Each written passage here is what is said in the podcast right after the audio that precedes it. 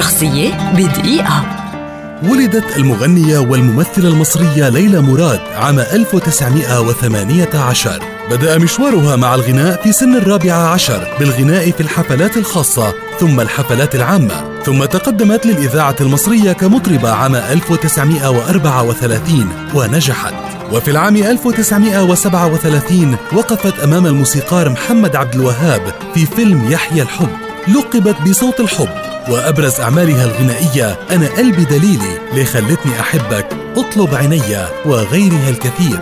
أما أعمالها السينمائية فمنها قلبي دليلي ليلى في الظلام ليلى بنت الفقراء شاطئ الغرام وغيرها. رحلت ليلى مراد عام 1995 وتعتبر من أبرز المغنيات والممثلات في العالم العربي.